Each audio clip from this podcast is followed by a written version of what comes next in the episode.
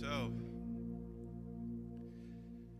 Goedemorgen allemaal. Wat een feest om uh, vandaag weer met zoveel mensen bij elkaar te zijn. Um, we zijn hier uh, in Leeuwarden. We zijn uh, 30 kilometer verderop, zoals een echte Leeuwarder maximaal mag zeggen. Maar ik durf het wel te zeggen. Heerenveen, welkom. Iedereen thuis, waar je ook bent. Super dat we vanuit zoveel locaties bij elkaar zijn en één familie zijn. Want dat zijn we. Het is ook uh, super om daarin mooie nieuwe mensen te verwelkomen. Uh, om te luisteren naar een getuigenis als dat van Ruben en alles te horen wat God. En dan heb je eigenlijk nog lang niet alles gehoord, maar er is zoveel goeds gebeurd uh, tijdens het Jovo-weekend. En um, ja, ik, ik, geniet daar gewoon enorm van. Um, we gaan vandaag verder in de serie over de Jacobusbrief en we zijn bij deel 4 alweer. We gaan die hele brief door die Jacobus, de broer van Jezus, heeft geschreven. En we belanden, zo kan je het denk ik wel zeggen, bij de kern van de brief. Eigenlijk alles tot nu toe heeft toegewerkt naar dit punt in de brief. En alles wat hierna komt, gaat daar ook weer van uit en legt dat verder uit. Jacobus 2, vers 14 tot en met 26. En het is een scherp gedeelte. Het is zo radicaal dat je misschien wel zegt: Nou, Jacobus, is dat niet een beetje overdreven? Kun je dat echt zo stellen? En misschien vind je het soms wel wat hard binnenkomen. Het lijkt ogenschijnlijk ook in te gaan tegen een van de meest centrale dingen die we geloven als christenen. En daarom ging ik de hele week een beetje heen en weer. Tussen aan de ene kant van weet je, ik snap weer precies wat Jacobus bedoelt. En als je dat en dat en die tekst erbij pakt, dan past het ook helemaal in uh, het Bijbelse verhaal, in het Nieuwe Testament. En op andere momenten dacht ik weer, Jacobus, hoe kun je dit zo zeggen? Hoe durf je dit zo te stellen? En het bleef een beetje schuren. Het bleef haken, het bleef wringen. En dat is ook precies wat Jacobus graag wil. Helemaal in de traditie van uh, Rabbi, hoe hij onderwijs kon geven, of hoe, die in, hoe ze in spreuken van de hak op de tak gingen, zo gaat hij er ook doorheen. En stelt hij vragen, gaat hij in discussie met een denkbeeldige tegenstander, stelt hij retorische vragen en steeds weer wringt het en schuurt het. En word je uitgedaagd om heel goed na te denken over wat hij precies zegt. En hij zegt in deze dertien versen van vandaag drie keer precies hetzelfde. Vers 17, 20 en 26. Laten we die met elkaar lezen. Hij zegt: Zo is ook het geloof als het geen werken heeft in zichzelf dood. Maar wilt u weten, o dwaze mens, dat het geloof zonder de werken dood is? Want zoals het lichaam zonder de geest dood is, zo is ook het geloof zonder de werken dood.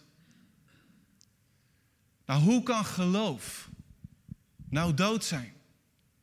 Hebben we niet met z'n allen geleerd dat het niet om werken gaat, maar om geloof? Dat we behouden worden door genade. Dat we daar niks aan toe kunnen voegen door onze daden, door wat we doen.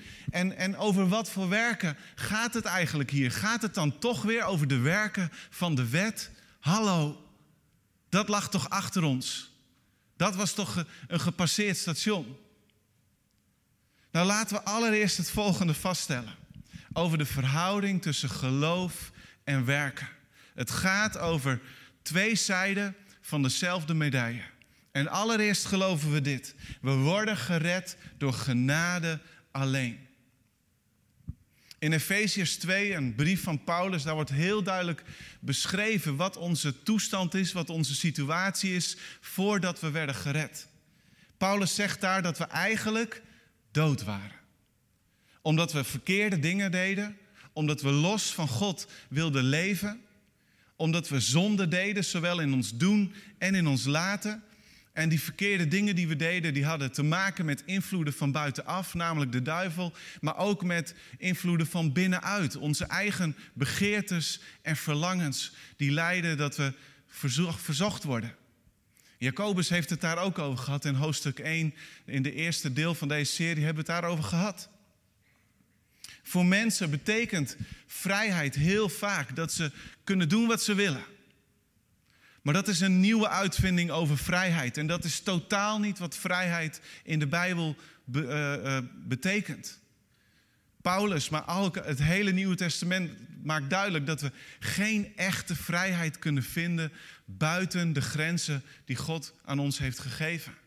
Vrijheid komt altijd met verantwoordelijkheid en een mens komt alleen tot bloei, tot vrijheid binnen de grenzen die God aan ons heeft gegeven om veilig en, en beschermd te kunnen leven.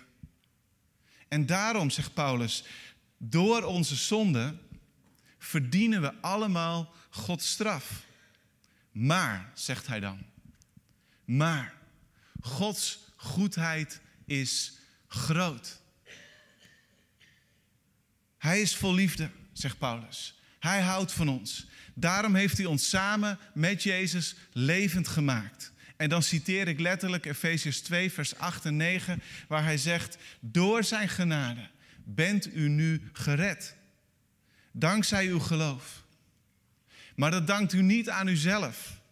Het is een geschenk van God en geen gevolg van uw daden.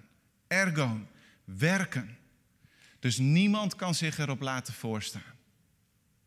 God heeft ons gered. Maar niet omdat wij zo ontzettend goed waren. Maar we zijn gered omdat we dankzij Gods genade en goedheid geloven in Jezus Christus. En daarom leven we. Dat is Gods geschenk aan ons. En voor de zekerheid, dat is ook precies wat Jacobus gelooft. Als je teruggaat naar Handelingen 15, dan legt Jacobus het evangelie zo uit en bevestigt hij de prediking van Paulus tijdens het apostelconvent. In Handelingen 21 komt Jacobus op voor Paulus en zegt hij dat Paulus het evangelie op een goede manier verkondigt. Dus nergens zijn Paulus en Jacobus het oneens met elkaar, maar ze zijn het volledig eens. We worden gered.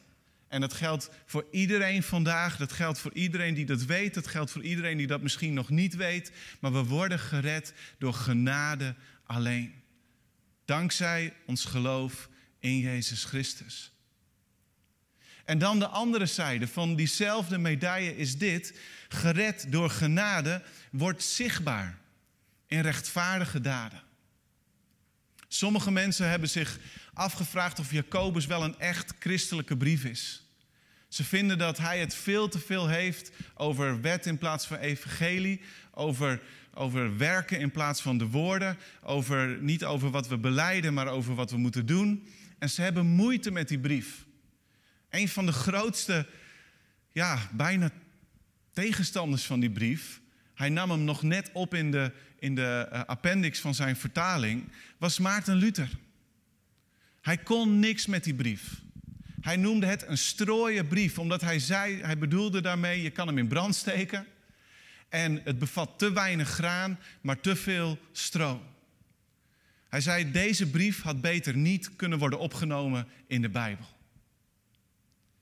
En wat hij en alle andere critici lijken te vergeten, is dat we echt wel zeker kunnen weten dat Jacobus precies hetzelfde dacht over gered worden als bijvoorbeeld Paulus. Ik heb het net genoemd.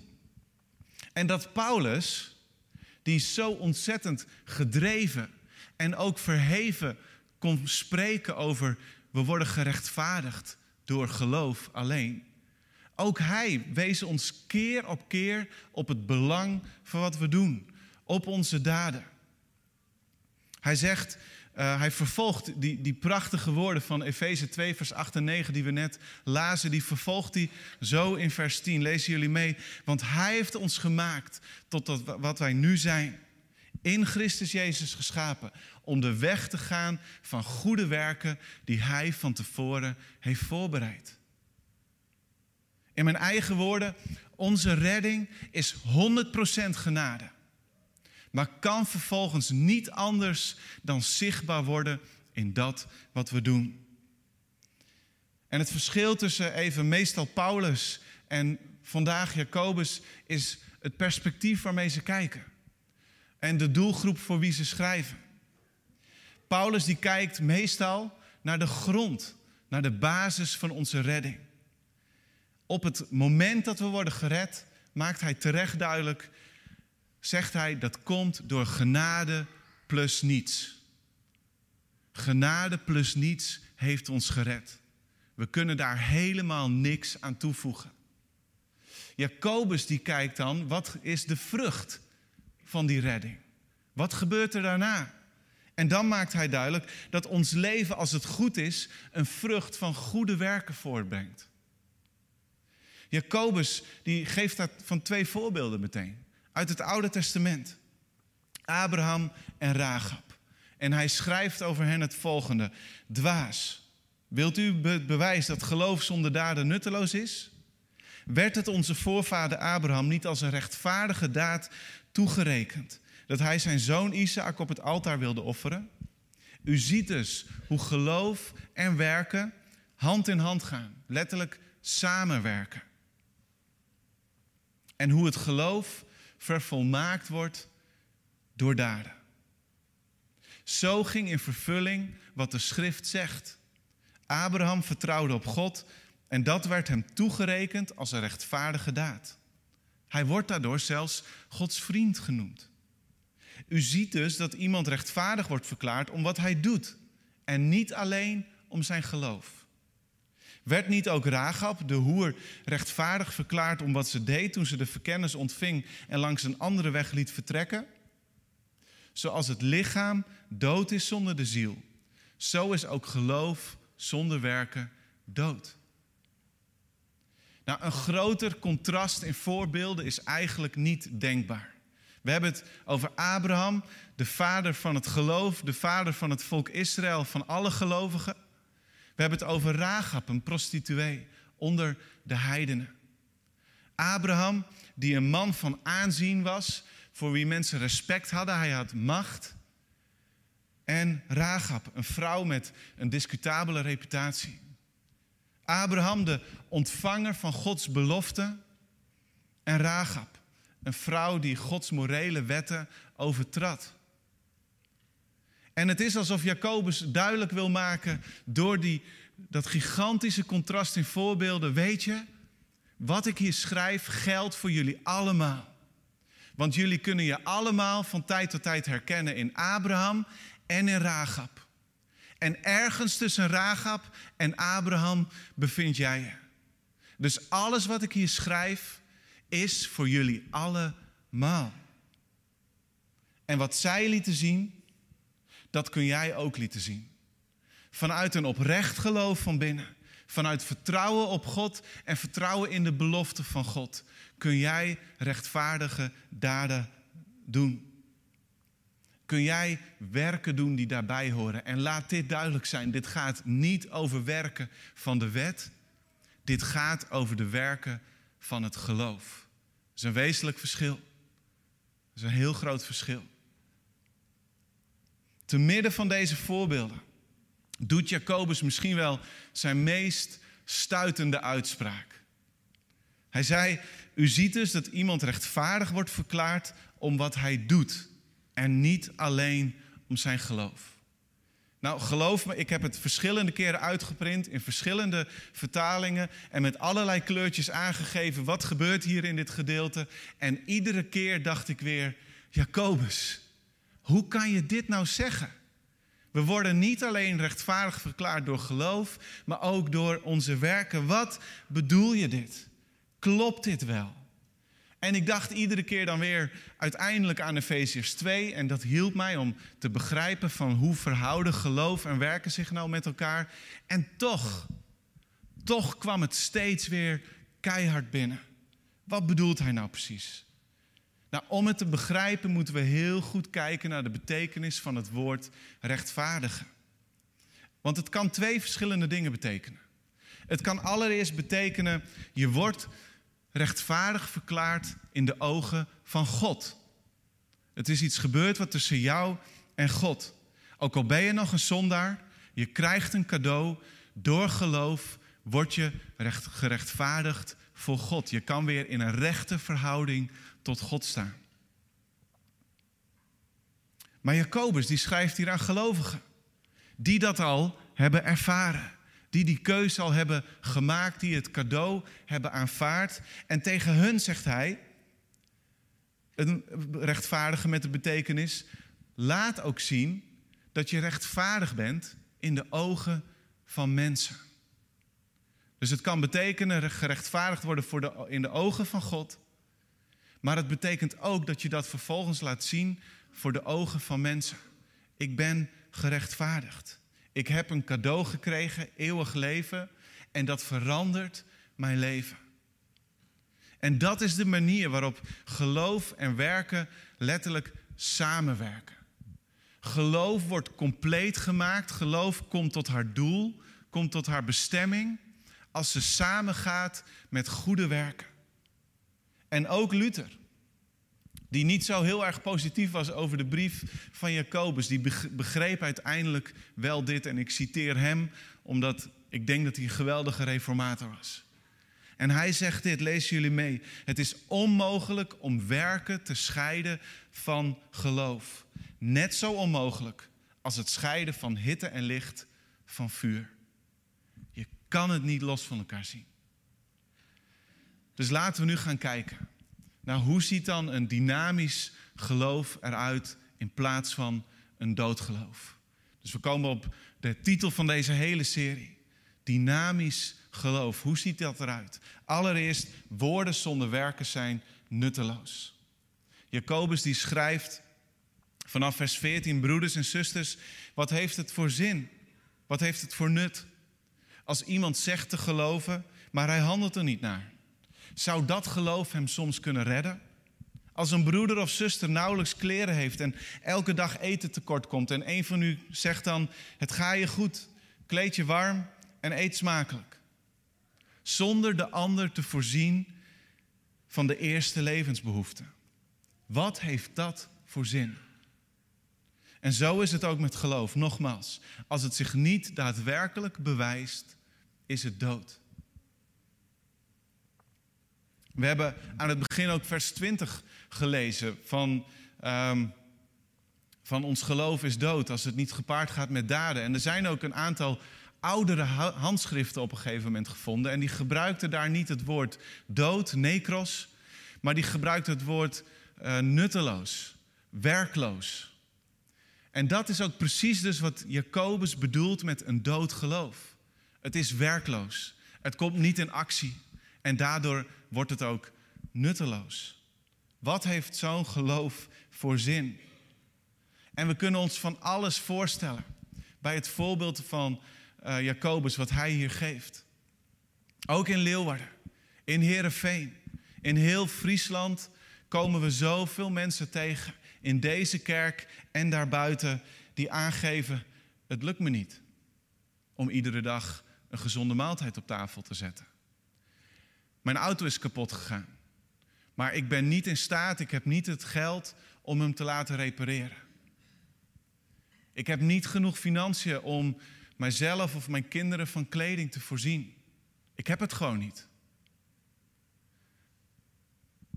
En wie van ons, inclusief ikzelf, heeft dan niet regelmatig geantwoord met een prachtig christelijk cliché? Joh, wat sneu, ik zal voor je bidden. Goh, wat erg, maar ik geloof, God doet alles medewerken ten goede. Het gaat je goed. Succes. Het zijn dooddoeners. En ik bedacht me deze week hoe toepasselijk het woord dooddoener is in deze context. Het zijn woorden die ons geloof doodslaan. Het gaat je goed, succes ermee. Red je maar. Ik zal er nog voor je bidden. En dit gaat over een hele basic basisbehoefte van mensen. Maar het geldt misschien ook wel in emotioneel, in psychisch, in geestelijk opzicht.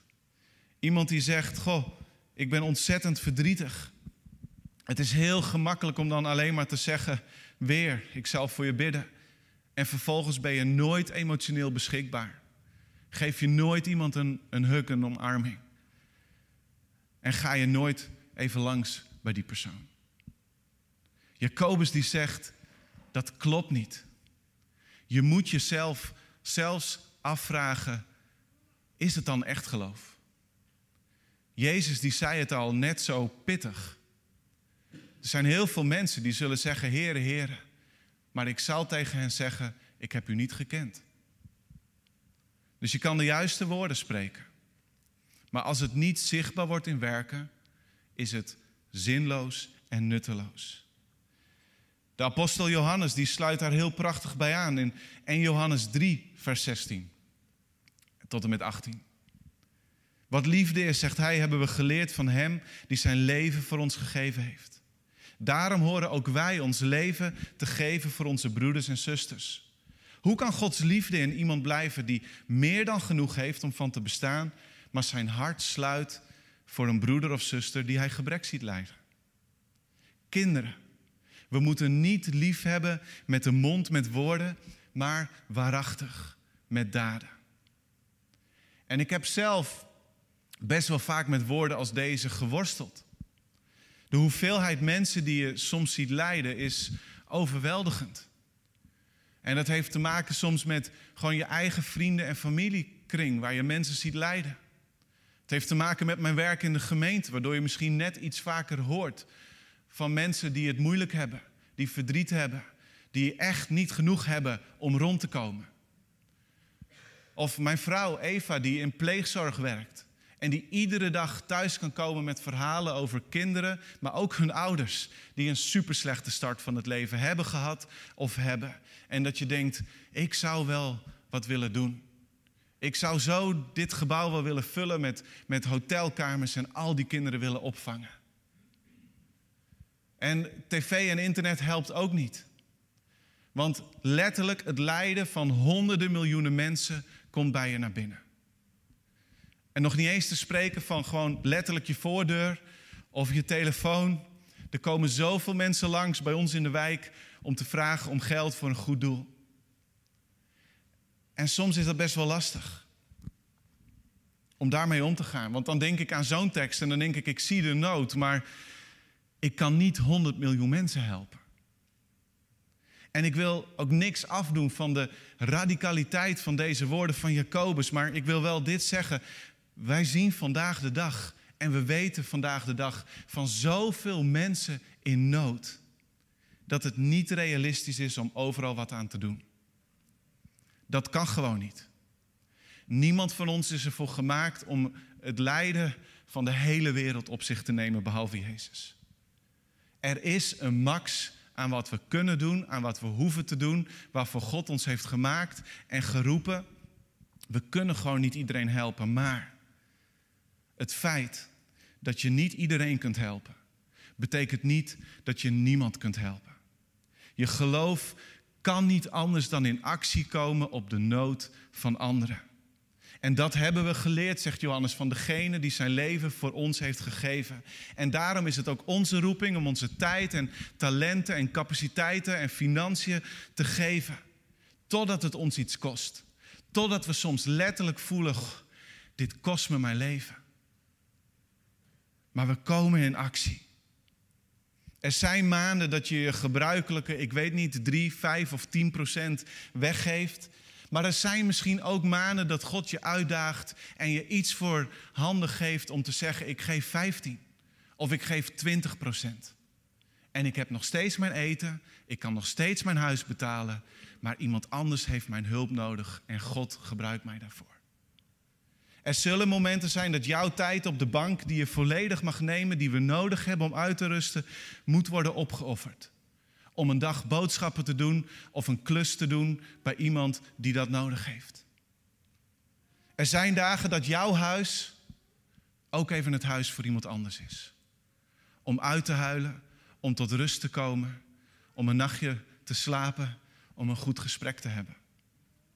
Er komen momenten dat jouw talent voor cijfers en budgetten niet ten nut is voor jezelf, maar dat je daar iemand mee kan helpen die keer op keer weer in die neerwaartse spiraal komt van schulden en nog meer schulden.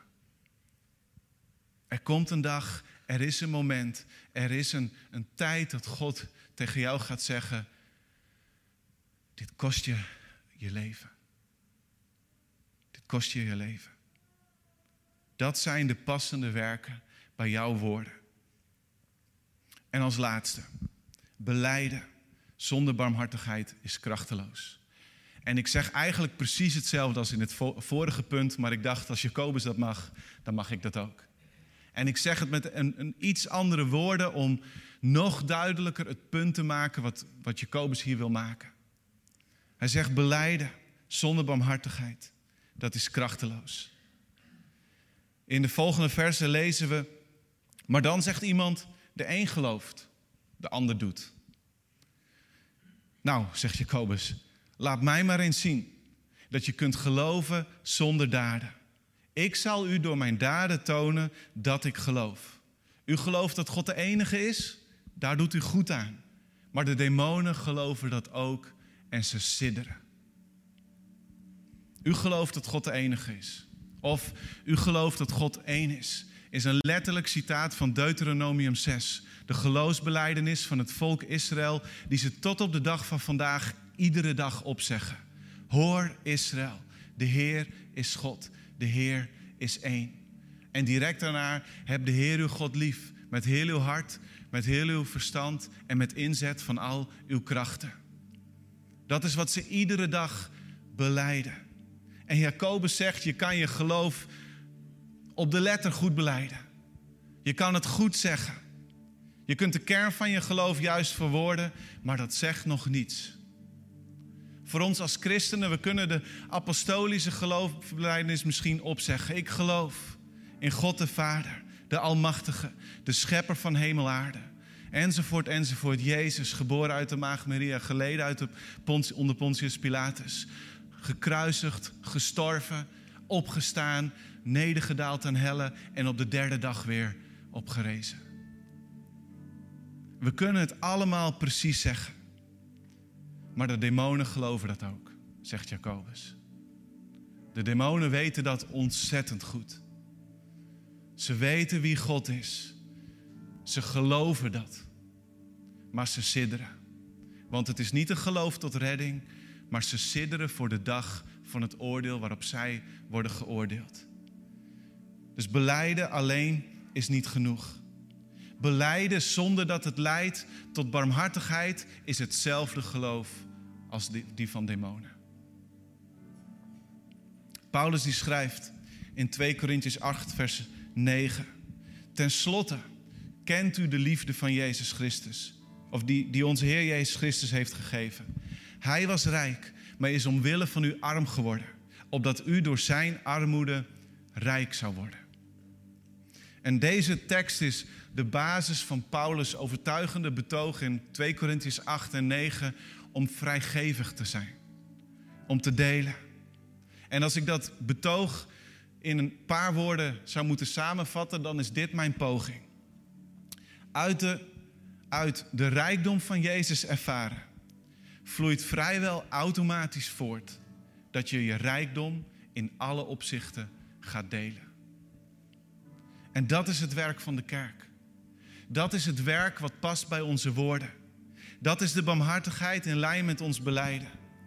In Handelingen 4 citeert Lucas eigenlijk letterlijk Deuteronomium 15 uit de Septuaginta, de Griekse vertaling uit 200 voor Christus van het Oude Testament.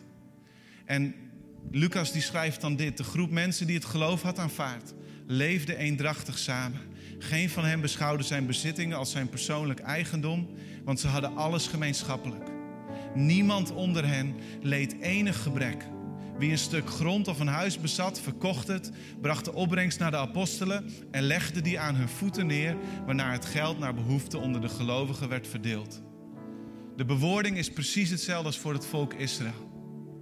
Zij kregen de opdracht omdat ze de genade van God hadden leren kennen en uit Egypte waren bevrijd om echt extreem vrijgevig te zijn. En, en Mozes die zegt, weet je, armen die zullen altijd ontstaan. Maar armoede mag nooit blijvend zijn. Dus iedere zeven jaar, of iemand nu zes, vijf, drie, twee, één jaar in de schulden had gezeten en, en wat dan ook, na zeven jaar kwijtgescholden. Schone lei, nieuw begin. Heb jij bij mij 1000 euro geleend en krijg ik dat niet terug? Zo so. En eigenlijk zegt Paulus en de gemeente van Handelingen laat dat zien. Dat is hoe we moeten leven. Het volk Israël die kende de genade en moest daaruit vrijgevig zijn. Wij weten wat de genade van God om ons te vergeven heeft gekost. Wij weten dat Jezus die rijk was, arm is geworden. En daarom mogen wij rijk zijn aan goede tierheid. Rijk in barmhartigheid. Rijk aan goede daden. Rijk aan goede werken. Dat is hoe ons geloof werkt. Is geloof alleen niet genoeg? Was de vraag. Ja en nee. We worden allemaal gered door geloof. Maar Jacobus die maakt heel duidelijk, als dat niet zichtbaar wordt in onze daden, dan moeten we serieus afvragen of we wel geloven zoals de Bijbel dat heeft bedoeld. En een geloof zonder werken is dood. En vergeef me dat het wat hard klinkt, maar we zijn niet City Dead Church. We zijn City Life Church. We zijn een kerk die met een levend geloof de wereld in mag gaan. We zijn een kerk en ik spoor jullie aan en ik spoor mezelf persoonlijk aan en het hele geheel. Dat ons geloof in actie komt. Dat onze daden de rijkdom laten zien van wat Jezus in ons heeft gedaan. Waardoor wij mensen mogen aanraken met de rijkdom van Jezus. Zullen we zo'n kerk zijn? laten we met z'n allen bidden. Lief Vader in de hemel. Ja, ik wil u danken voor deze woorden, Heer, waarvan u hebt gezorgd dat ze de afgelopen 2000 jaar in de Bijbel zijn gekomen en zijn overgeleverd op een betrouwbare manier. Heer, en ja, zelfs al zijn ze moeilijk, zelfs al zijn ze soms hard, zelfs al schuurt het, het zijn uw woorden. Het zijn woorden die u tot ons wil spreken vandaag en waar we over mogen doordenken en bidden in onze persoonlijke tijd met u, op onze connectgroepen. Heer, in gesprekken met elkaar. En, en ik dank u wel, Heer, dat uw woord, ja, waar het soms ook even verwarrend is, Heer, uiteindelijk toch heel helder is. We worden gered door genade alleen. We waren dood. Maar door Jezus worden we levend gemaakt. En mogen we opstaan uit de dood in een nieuw leven. Ik dank u daarvoor. En daarnaast bid ik, Heer, voor ons allemaal. Iedereen die luistert, waar dan ook. Heer, dat, dat we dat geloof in actie laten komen. Dat wat binnen in ons is gebeurd, dat het naar buiten komt. Heer, dat we echt ook met het in acht nemen van onze eigen grenzen. Van onze eigen behoeften. Heer, u hebt ons nooit geleerd om een leven te leiden van werken naar werken, maar van rust naar werken. Heer, maar met dat we dat zeggen, Heer, willen we radicaal zijn, zoals Jacobus radicaal is. Zoals de gemeente in handelingen radicaal was. Zoals Paulus de gemeente aanspoort van Korinthe om vrijgevig te zijn. Heer, zo willen wij vrijgevig zijn. Zo willen wij barmhartig zijn. In alles wat we doen. Heer, ik bid dat we een kerk zijn die, ja, die niet alleen maar zegt: God zegent. Ja, maar dat we zelf die zegen zijn. Ik bid dat we een kerk zijn die niet alleen maar zegt: We bidden voor je. Maar dat we ook barmhartig zullen zijn.